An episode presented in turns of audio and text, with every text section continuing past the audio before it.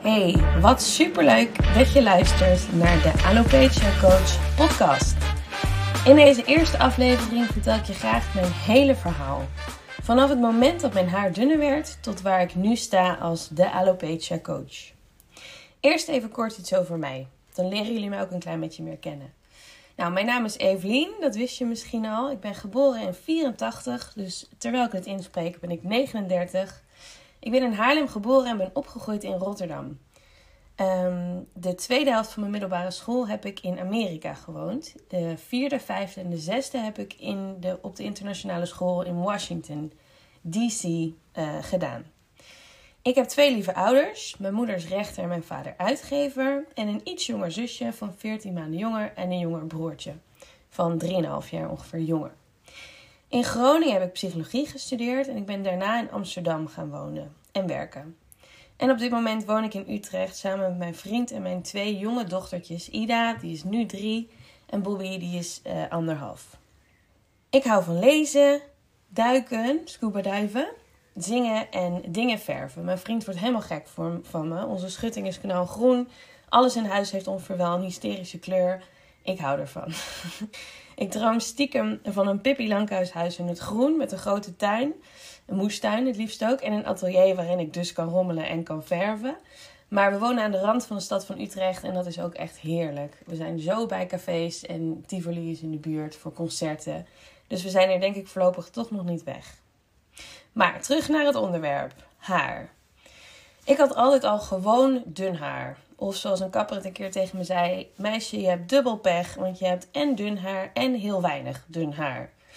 Maar goed, dat was nou eenmaal hoe het was. En ik zat er niet heel erg mee. Het was niet onwijs opvallend of vervelend dun. Ik kon nog wel een staartje maken of een vlechtje of iets. En meestal liet ik de kapper het gewoon maar knippen zoals hij of zij dacht dat het het beste zou zijn. Wat vaak resulteerde in een kort vrolijk kopie. En dat vond ik helemaal prima, want ik wilde het liefst zo min mogelijk werk hoeven stoppen in mijn haar. Ik was niet heel ijdel en ben en was niet zo bezig met hoe ik eruit zag. Ik doe eigenlijk nog steeds vaak alleen maar een beetje mascara op en in dit geval nu mijn haarwerk en klaar. Dus als het er voor mij maar enigszins oké uitzag en makkelijk te handelen was, vond ik het best. Toen ik op mijn achttiende vanuit Amerika naar Groningen verhuisde om daar te gaan studeren, genoot ik met volle teugen van dit studentenleven. Ik woonde in een heerlijk studentenhuis met tien meisjes, dus echt een druk kippenhok. En ik rolde door mijn studie heen. Behalve statistiek, dat heeft me liters tranen en een jaar vertraging en tien jaar van mijn leven gekost. Maar goed, verder uh, was mijn studie een beetje iets wat ik heel leuk vind, maar ook erbij deed. Want ik was onwijs gefocust op lekker uitgaan en met vrienden en vriendinnen leuke dingen doen. En in de vakanties vloog ik naar huis, want mijn ouders en mijn broertje en mijn zusje woonden nog in Washington. Mijn ouders zagen me dus minder vaak en er zaten grotere tussenpozen tussen de tijden dat we elkaar wel zagen. Soms was dat wel drie, vier maanden. En het begon mijn moeder steeds meer op te vallen dat mijn haar dunner werd. Ze sprak haar zorgen hierover uit naar mij, maar het was mij eigenlijk niet zo erg opgevallen gevallen en ik maakte me er niet zo druk om. En toen mijn ouders weer naar Nederland verhuisden en mijn broertje en mijn zusje ook, zijn mijn moeder en ik wel op de medische tour gegaan. Want ik had inmiddels toen ook wel door, dat was twee, drie jaar later, twee jaar later geloof ik, dat er iets geks aan de hand was. En ik begon me ook wel een beetje zorgen te maken. Want waar ik eerst een klein staartje kon maken, werd dat staartje steeds minder en minder. Ik kocht steeds dunnere elastiekjes en ik had dat ook wel door, maar ik dacht ook, ja, ik weet niet wat het is. Ik hou me niet mee bezig, het zal wel. Maar ik begon me wel zorgen te maken en ik had wel door dat mijn moeder een punt had. Dus op de medische tour, wat je dan doet via de huisarts, naar allerlei internisten, naar dermatologen en naar meerdere onderzoeken te hebben gedaan. Dat heeft uh, nou, een paar maanden denk ik wel geduurd. Kreeg ik uiteindelijk na zo'n haaronderzoek waarbij ze 100 haren uit je, haar, uit je hoofd trekken. Wat ik verschrikkelijk vond. Want ik dacht, nou dan blijft er helemaal niks meer over. Dat viel gelukkig mee. De diagnose alopecia androgenetica, of zoals de arts toen zei, vrouwelijke kaalheid. Nou, dat hoor je liever niet, rond je twintigste natuurlijk. Aan de ene kant was het een hele opluchting, want er was geen enge ziekte geconstateerd. Ik was hartstikke fit, had genoeg eitjes, dat was ook nog allemaal gecheckt. Niks aan het handje, fysiek, technisch, maar ehm, ja, wel dus deze uh, diagnose. En dat voelde dus aan de ene kant heel fijn en aan de andere kant echt als een schop in mijn maag. Want mijn vader verloor zijn haar op hele jonge leeftijd ook. En daar bleef erg weinig meer van over. En de gedachte dat mij dat als vrouw zou gaan overkomen, vond ik echt verschrikkelijk. En doodeng en ook echt ondenkbaar, want dat hoorde niet te gebeuren. En dat kon niet gebeuren. En dat wilde ik natuurlijk helemaal niet. Nou, de diagnose heb ik toen een beetje naast me neergelegd en niet zoveel mee gedaan. Ik wilde het wegstoppen en ik ging vrolijk door met studeren en probeerde er niet te veel aan te denken. En ik zei echt van die dingen als: ah joh, het gaat om het innerlijk, niet het uiterlijk. Boeien, we zien het wel. En trok me er voor zover het kon zo min mogelijk dus vandaan. Maar dat was natuurlijk helemaal niet wat er eigenlijk in mijzelf gebeurde. Want ik vond het zelf heel eng, heel spannend en eigenlijk te eng en te spannend om te erkennen dat ik het eng en spannend vond. Dus ik heb lekker gestruisvogeld. Ik had dan een super lief vriendje en tegen hem durfde ik wel kwetsbaar te zijn. Ik weet nog dat ik het toen hem op de man afvroeg van... hey, blijf je bij me als ik straks echt al mijn haar verlies en kaal ga worden? De lieverd zei toen ja, ja, ja, tuurlijk. Maar uiteindelijk zijn we uit elkaar gegaan jaren later om andere redenen. Maar dat deed me goed dat hij dat zei. En dat was eigenlijk de enige bij wie ik me veilig genoeg voelde om niet een sterk masker of zo op te hebben. En tegen de buitenwereld deed ik alsof het me dus niet zoveel boeide en wilde ik er vooral niet over praten. Maar na een paar maanden ging ik toch wel op zoek naar oplossingen. En de medische wereld, de westerse medische wereld, had niet zoveel oplossingen. Dit was een hele tijd geleden. Nu is er geloof ik al veel meer op de markt. Toen niet echt. Dus ik heb al het niet-westerse ongeveer wat je kan bedenken wel geprobeerd. Ik heb kranosacrale therapie gedaan. Um, acupunctuur, verschillende soorten, allerlei middeltjes gesmeerd en gesprayed. Nog een half jaar geen gist gegeten, omdat daar misschien een allergie in zat. Massages geprobeerd, diëten, you name it. Nou, zoals meer van jullie misschien kostte me dit mega veel tijd, heel veel geld. Mijn spaarrekening ging er volledig aan. En niks eigenlijk hielp. Dus ik had ook de hele tijd te maken met het incasseren van al die teleurstellingen. En kostte gewoon mega veel tijd, geld en energie. En ondertussen merkte ik ook dat het in de praktijk een grotere rol ging spelen in mijn leven dan ik eigenlijk wilde of echt zelf doorhad.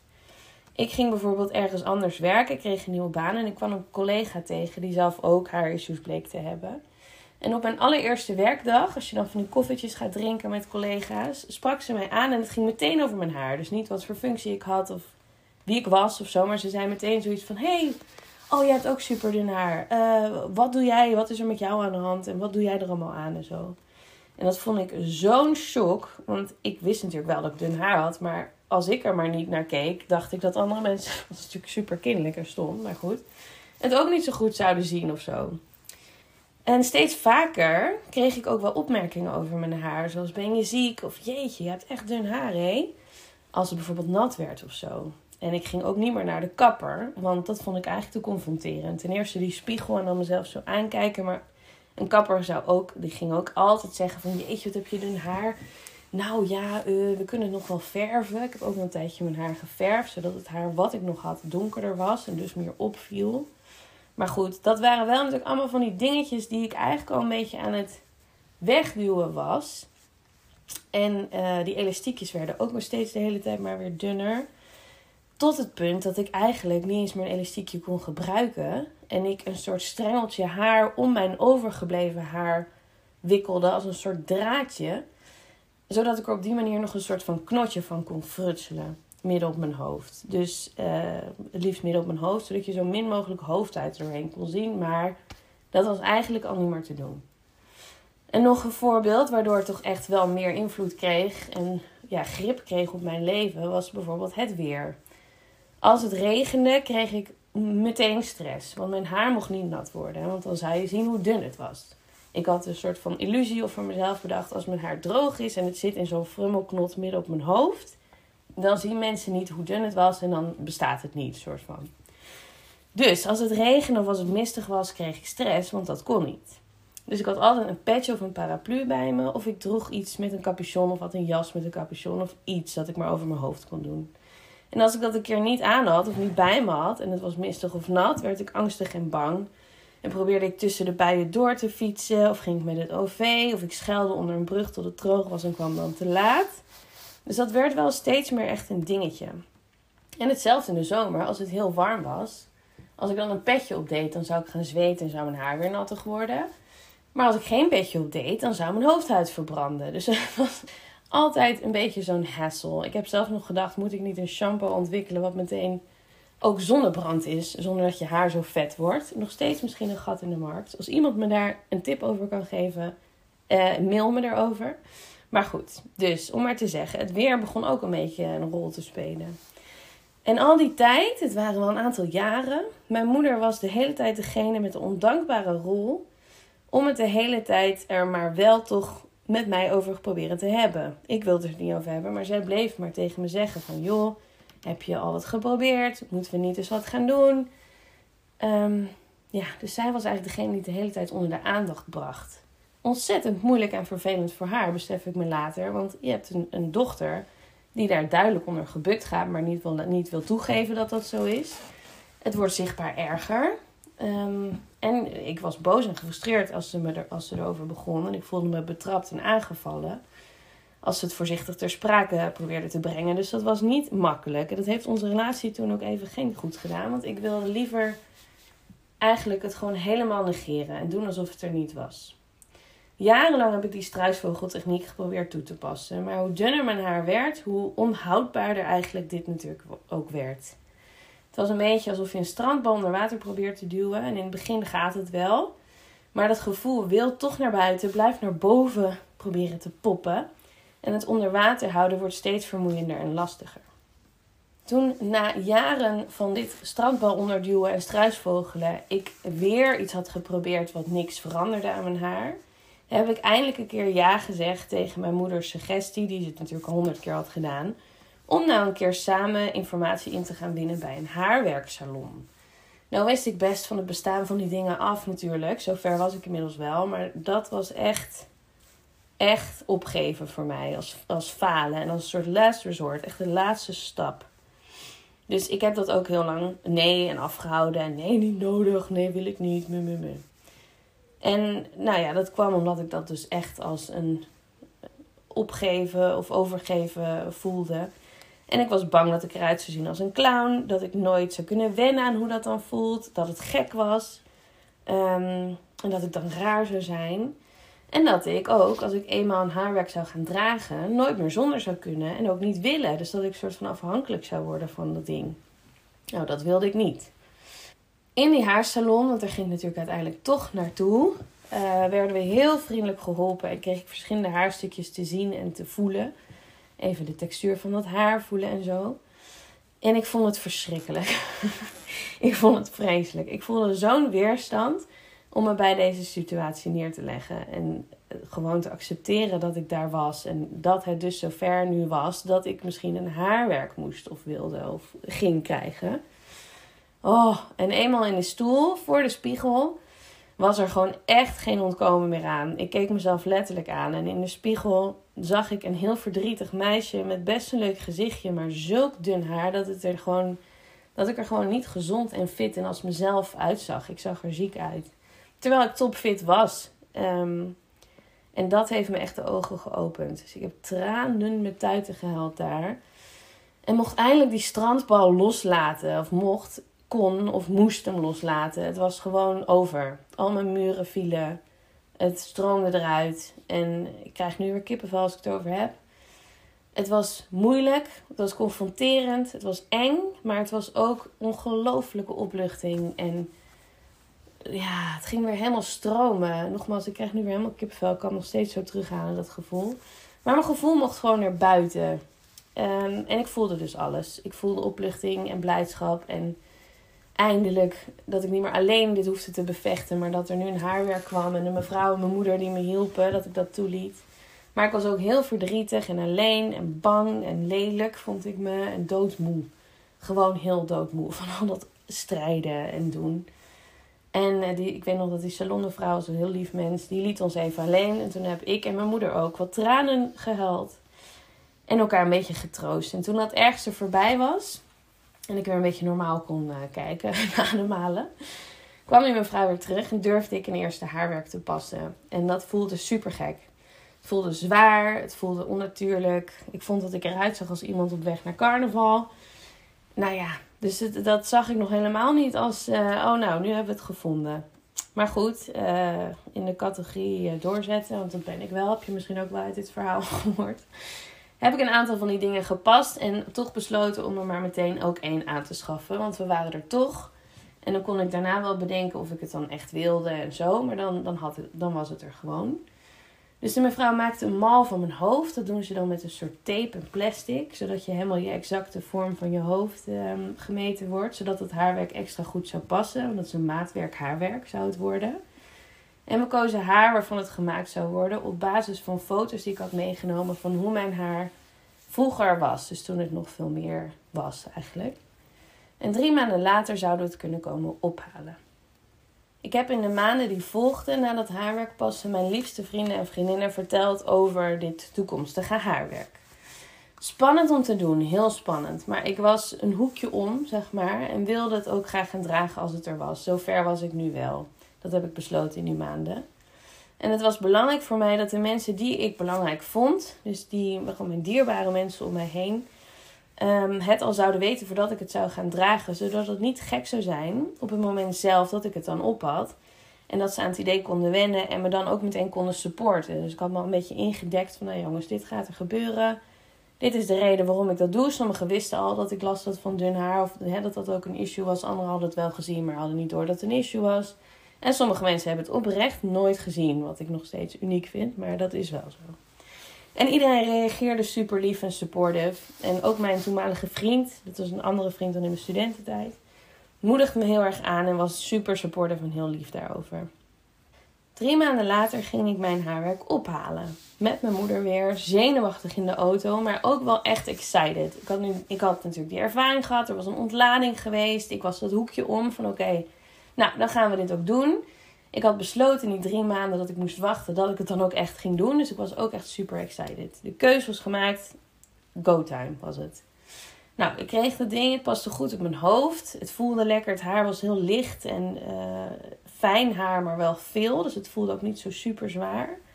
En die mevrouw liet me zien hoe ik het kon wassen, borstelen, op kon zetten. En met clipjes zat het toen vast aan mijn eigen haar. Inmiddels kan dat niet meer.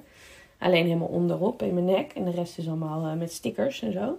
Maar goed, toen nog niet. Dus toen had ik clipjes. Ik kreeg ook zo'n eng schuimhoofd mee naar huis. En speciale borstels en zo. En ik liet het maar meteen op mijn hoofd nadat zij het er goed op had geklipt. En toen we weggingen, samen met mijn moeder reden we naar huis. En die eerste avond, ze heeft me toen afgezet in het huis van mijn vriend, waar ik toen mee samenwoonde, mijn toenmalige vriend. Die met open armen stond te wachten. En dat was echt een heel fijn moment. Volgens mij hebben we toen zelf champagne gedronken. Dus dat was heel warm en liefdevol. Waar ik heel dankbaar voor ben. En die eerste avond ben ik met hem ook meteen uh, bij vriendjes van hem die in de buurt wonen drankjes gaan doen. Om maar meteen met haar weer al naar buiten te gaan. Hup, gaan met die banaan. Ik ging mezelf eigenlijk geen kans hebben gegeven om uh, terug te krabbelen.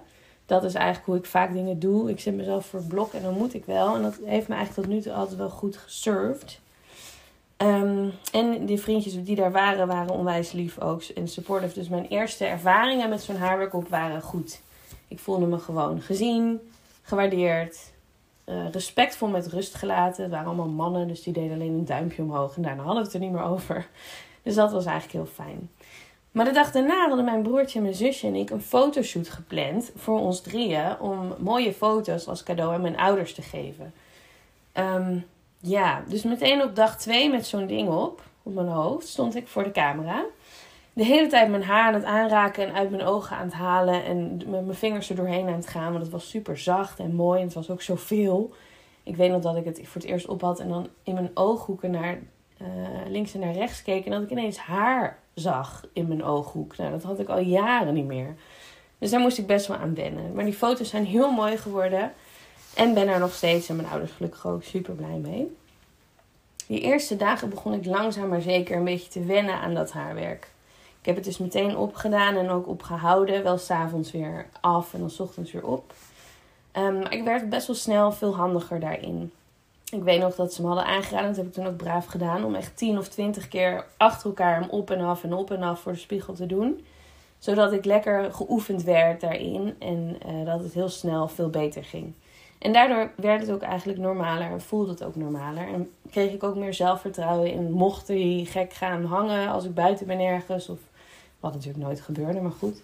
Voelde ik me ook zeker genoeg om dan snel hem goed te doen en zo. Dus dat, uh, dat was een fijne tip. Mijn relatie van destijds, dus de vriend die ik had toen ik een haarwerk kreeg, ging uit. En ik werd rond mijn dertigste of zo weer single. Nadat ik was bijgekomen van deze grote verandering, kwam de volgende uitdaging, namelijk daten met alopecia en een haarwerk op. Want ik had dat ding inmiddels eigenlijk uh, altijd op wel. Ik heb mezelf voorgenomen toen om al bij de allereerste date die ik had, dus de eerste jongen die ik dan leuk genoeg zou vinden en me veilig genoeg bij zou voelen, om het me gewoon meteen te vertellen. Want ik wilde niet dat mijn haarwerk een geheim zou worden, want ik was er zelf inmiddels aan gewend, mijn omgeving ook. Het voelde ook echt alsof het deel van mij was. Het hoorde bij mij. En als dat niet beviel voor degene die ik toen leuk begon te vinden, dacht ik: fuck it, dan zorg ik wel dat ik een andere man vind, leuke vent vind, die dat geen probleem vindt en daar niet moeilijk over doet. Nou, hele stoere praat, maar bij de eerste jongen die ik leuk vond en die ik het uh, wilde vertellen, had ik wel even, ben ik eerst een shotje tequila met hem gaan drinken om het hem te vertellen. Hij dacht, oh my god, wat gaat ze me voor groot geheim delen? Wat eng en spannend. Dus hij lachte heel erg toen ik hem vertelde wat er aan de hand was. En hij vond het echt geen probleem. Uiteindelijk is niks met hem geworden. Ook door andere dingen. Maar de volgende keer dat ik het aan een andere date vertelde, had ik geen tequila meer nodig als liquid courage. En de keer daarna vond ik het ook niet meer zo spannend. Ik heb in die twee jaar of tweeënhalf jaar of zo best wel wat dates gehad. En veel mensen erover verteld. En nog nooit heeft iemand er een punt van gemaakt. En mijn huidige vriend en de papa van mijn kindjes, mijn dochters, vertelde ik het op date 1. Nog voordat ik of hij wisten of het überhaupt wel iets zou kunnen gaan worden tussen ons. Maar um, ik weet nog dat hij keek even onder mijn haar. Want dat vertelde ik dan zo van... Hey, trouwens, uh, ik heb alopecia. Dat is iets met je haar. Dus ik heb een haarwerk om. Wil je even kijken? En dan wipte ik zo een zijkantje omhoog. Zodat ze er even onder konden gluren. Um, en hij zei, oh, ik ken dit niet, maar ik keek er ook niet van op of om. En twee maanden later was het officieel aan. Dat is een beetje hoe het voor mij is gegaan. Ik heb me in mijn alopecia-reis, dus de afgelopen 20 jaar, en vooral uh, de eerste tien van die afgelopen 20 jaar, echt wel heel vaak alleen gevoeld en wanhopig en um, ongelukkig. En dat lag niet aan mijn omgeving, want ik had heel veel vrienden en lieve familie. En die waren er ook allemaal met liefde voor me geweest. En hadden naar me geluisterd en me getroost en me geholpen. Als ik dat had toegelaten of had durven vragen. Maar ik wilde dat absoluut niet. Ik vond het super belangrijk dat ik er zelf mee dealde. Ik wilde er niemand mee lastigvallen. Ik wilde niet moeilijk doen. Ik wilde me niet aanstellen. Want het was maar haar en ik moet niet ijdel zijn. En het kan altijd allemaal nog veel erger. Koningin in het relativeren was ik. En niet kwetsbaar zijn en doen. En ik kende daarbij ook niemand met alopecia of iets wat daarop leek. Dus het voelde als mijn eenzame strijd. Ja. En hierdoor heb ik het jarenlang voor mijn gevoel alleen en in het geheim eigenlijk heel erg gevonden. En heeft het me daarnaast uh, praktisch gewoon super veel geld gekost. Heel veel energie, want alles maar weer uitzoeken wat dan eventueel zou kunnen helpen. Dat de afspraken voor maken teleurstelling na teleurstelling incasseren als het toch maar niet werkte. Heel veel tijd aan besteed, want het was natuurlijk allemaal niet om de hoek, al die eh, behandelingen die ik uh, moest doen. Dus dat zijn natuurlijk ook allemaal praktische dingen die ik nu veel, met heel veel meer liefde aan veel leukere dingen zou uitgeven. Maar goed, dat kan natuurlijk niet, want dat krijg je niet terug. Nou, de sprong naar hoe ben ik nou de alopecia coach geworden? Toen ik zwanger was van mijn tweede dochtertje Bobby, werd duidelijk dat de baan die ik toen had er na mijn verlof niet meer zou zijn. Nou, dat is een heel verhaal voor een ander, ander ding. Maar uh, dat was wederzijds en dat was helemaal oké voor mij. En ik kreeg tijd en geld mee van mijn lieve werkgever. En nam ook die tijd om te bedenken wat ik dan wilde doen. Ik heb in Groningen psychologie gestudeerd en heb een master in de sociale psychologie. Dus dat gaat heel erg over hoe je groepen mensen in beweging brengt. En dat is niet per se het klinische psychologie. Dat is misschien de echte psycholoog die je dan voor ogen hebt met een bank waar een cliënt op ligt en, uh, en zo. Maar wat ik wel altijd heb gedaan en wat ik nog steeds mateloos interessant vind, is me bezig gehouden met menselijk gedrag en groei en leren en persoonlijke ontwikkeling. Dus ik heb voor verschillende bedrijven in verschillende rollen trainingen gegeven en gemaakt, evenementen georganiseerd, marketing en sales voor sprekers gedaan en een start-up gerund over het vertalen van wetenschappelijke inzichten over menselijk gedrag naar kennis en kunde voor professionals op de werkvloer. Dus mensen leren en groei is echt de rode draad in alles wat ik altijd heb gedaan. En dat vind ik nog steeds the best. En tijdens mijn verlof heb ik een uh, intensieve geaccrediteerde coachopleiding van zes maanden gedaan bij Nonons, erg aan te raden. En voor mij persoonlijk een enorm schot in de roos, want hier vond ik alles wat ik zocht. Resultaatgerichtheid, wat ik in klinische psychologie een beetje miste. Dus echt resultaatgericht, daar ben ik ook heel erg. Gecombineerd met menselijk gedrag en onderzoeken waar iets vandaan komt en hoe je het in kan zetten om een doel te bereiken. En ik besloot hier mijn werk van te maken en schreef me in bij de KVK. Met mijn coachbedrijf The Beam Club coach ik zakelijke klanten en dat doe ik ook nog steeds en met heel veel plezier. Maar daarnaast begon er nog iets te kriebelen. Want naar aanleiding van mijn eigen ervaringen met alopecia wist ik dat er niet veel ondersteuning was voor vrouwen met haaraandoeningen. Niemand heeft mij toen verteld, 20 jaar geleden, over al die bijverschijnselen van alopecia, die gewoon met identiteit te maken hebben. Zelfvertrouwen, gevoelens van controle, kwetsbaarheid, je aantrekkelijk voelen, je vrouwelijk voelen. Nou, zo is er nog een hele riedel. En daar moest ik weer aan denken als beginnend coach. Er zijn natuurlijk miljoenen coaches, er zijn genoeg grappen over gemaakt. Dus ik zocht ook een beetje naar waar kan ik echt iets unieks toevoegen waar ik ook zelf echt uh, baat bij zou hebben gehad. En toen ik een beetje googelde, vond ik nog steeds dat er zo weinig is op dat vlak. Dus ik stond toen een beetje voor een spannende keuze. Want mijn omgeving wist allemaal van mijn alopecia. Hè, mijn familie, mijn vrienden, collega's. Maar de rest van de wereld niet. En um, niet per se een bewuste keus, maar dat was gewoon nooit echt een, een gesprek geweest. Dus ik stond voor een spannende keuze. Ga ik naar buiten komen hiermee en ga ik me richten op deze doelgroep? En dat zou ook betekenen dat ik zelf uit de haarkast zeg maar kwam. Dus ging zeggen, oh ja, ik heb ook alopecia en ik heb al tien jaar in haarwerk en zo en zo. Maar eerlijk gezegd, op het moment dat ik het had bedacht, wist ik al dat ik dat moest en wilde gaan doen. Want ik heb 15 jaar werkervaring met coachen en trainingen. Ik heb een psychologie-achtergrond een stevige coachopleiding. Ik volg nu een expert op dit moment, expertopleiding van een jaar lang. Waarna ik, daarna ben ik senior practitioner, dus dat is een vrij hoge accreditatievorm. En ik heb zelf 20 jaar ervaring met alopecia, dus ik weet gewoon uit ervaring waar je tegenaan kan lopen en hoe lastig het kan zijn. En ehm, ja, daarnaast is mijn werk heel lang geweest om vaardigheden en kennis en geleerde lessen te vertalen in cursussen en coaching.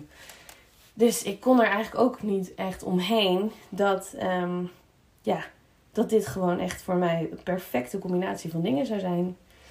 Dus de alopecia coach was in oktober 2022 geboren. En daar ben ik ontzettend dankbaar voor, want ik coach vrouwen met alopecia over thema's als zelfvertrouwen, omgaan met je omgeving, omgaan met onzekerheid, accepteren natuurlijk een groot onderwerp van wat de fuck is je overkomen. En ook accepteren van onzekerheid. Want voor veel mensen is het onduidelijk hoe het verlopen zal zijn. Of het haar terugkomt of hoe snel het gaat. Spannende dingen doen weer. Zoals zwemmen of stranddagen met vriendinnen. Of opnieuw de liefde vinden met alopecia. De keuze maken. Wil je een haarwerk dragen of niet? Als je besluit van niet, hoe reageert je omgeving dan? Ja, allemaal van dat soort herkenbare onderwerpen. Daarnaast heb ik in het najaar van 2022 mijn eerste online programma Leven met Alopecia ontwikkeld. Een enorm complete cursus met een prachtig aanbod. Ik ben er zelf super blij en trots op. Ehm, van filmpjes en video's waarin je echt stap voor stap leert om te gaan met alopecia. Of je het nou net hebt gehoord of al een hele tijd mee dealt. En wat voor vorm alopecia maakt niet uit. Het zijn allemaal super herkenbare dingen. Waarin ik echt heel erg het gevoel heb dat ik daar heel veel van mezelf mijn hele hart en ziel in heb gestopt. Ik deel ook super veel ervaringen um, met cursisten daar, um, maar baseer me ook op ACT. Dat is een veel voorkomende en superhandige en wetenschappelijk bewezen effectieve coachvorm. Um, ja, waar mensen gewoon heel veel baat bij hebben. Zo, dat was mijn hele verhaal. Van de eerste keer dat mijn haar dunner werd tot het oprichten van de Alopecia Coach, waar ik heel dankbaar voor ben. En ik ben ook super dankbaar waar ik nu sta En uh, dat is echt niet altijd makkelijk geweest. Ik heb genoeg eenzaamheid en verdriet en wanhoop en al die nare emoties echt wel uh, lekker intiem leren kennen. Maar ook de hele mooie kant toch van wat alopecia je kan bieden. En ik gun iedereen dat. De verdieping, de innerlijke kracht en de rust die ik nu ervaar. Dank voor het luisteren. Te gek dat je er was. Als je meer wil weten over mij en wat ik te bieden heb als de alopecia coach, schroom dan niet om mij een mailtje te sturen naar evelien@alopeciacoach.com of kijk op mijn website. Ik hoop snel van je te horen. You got this.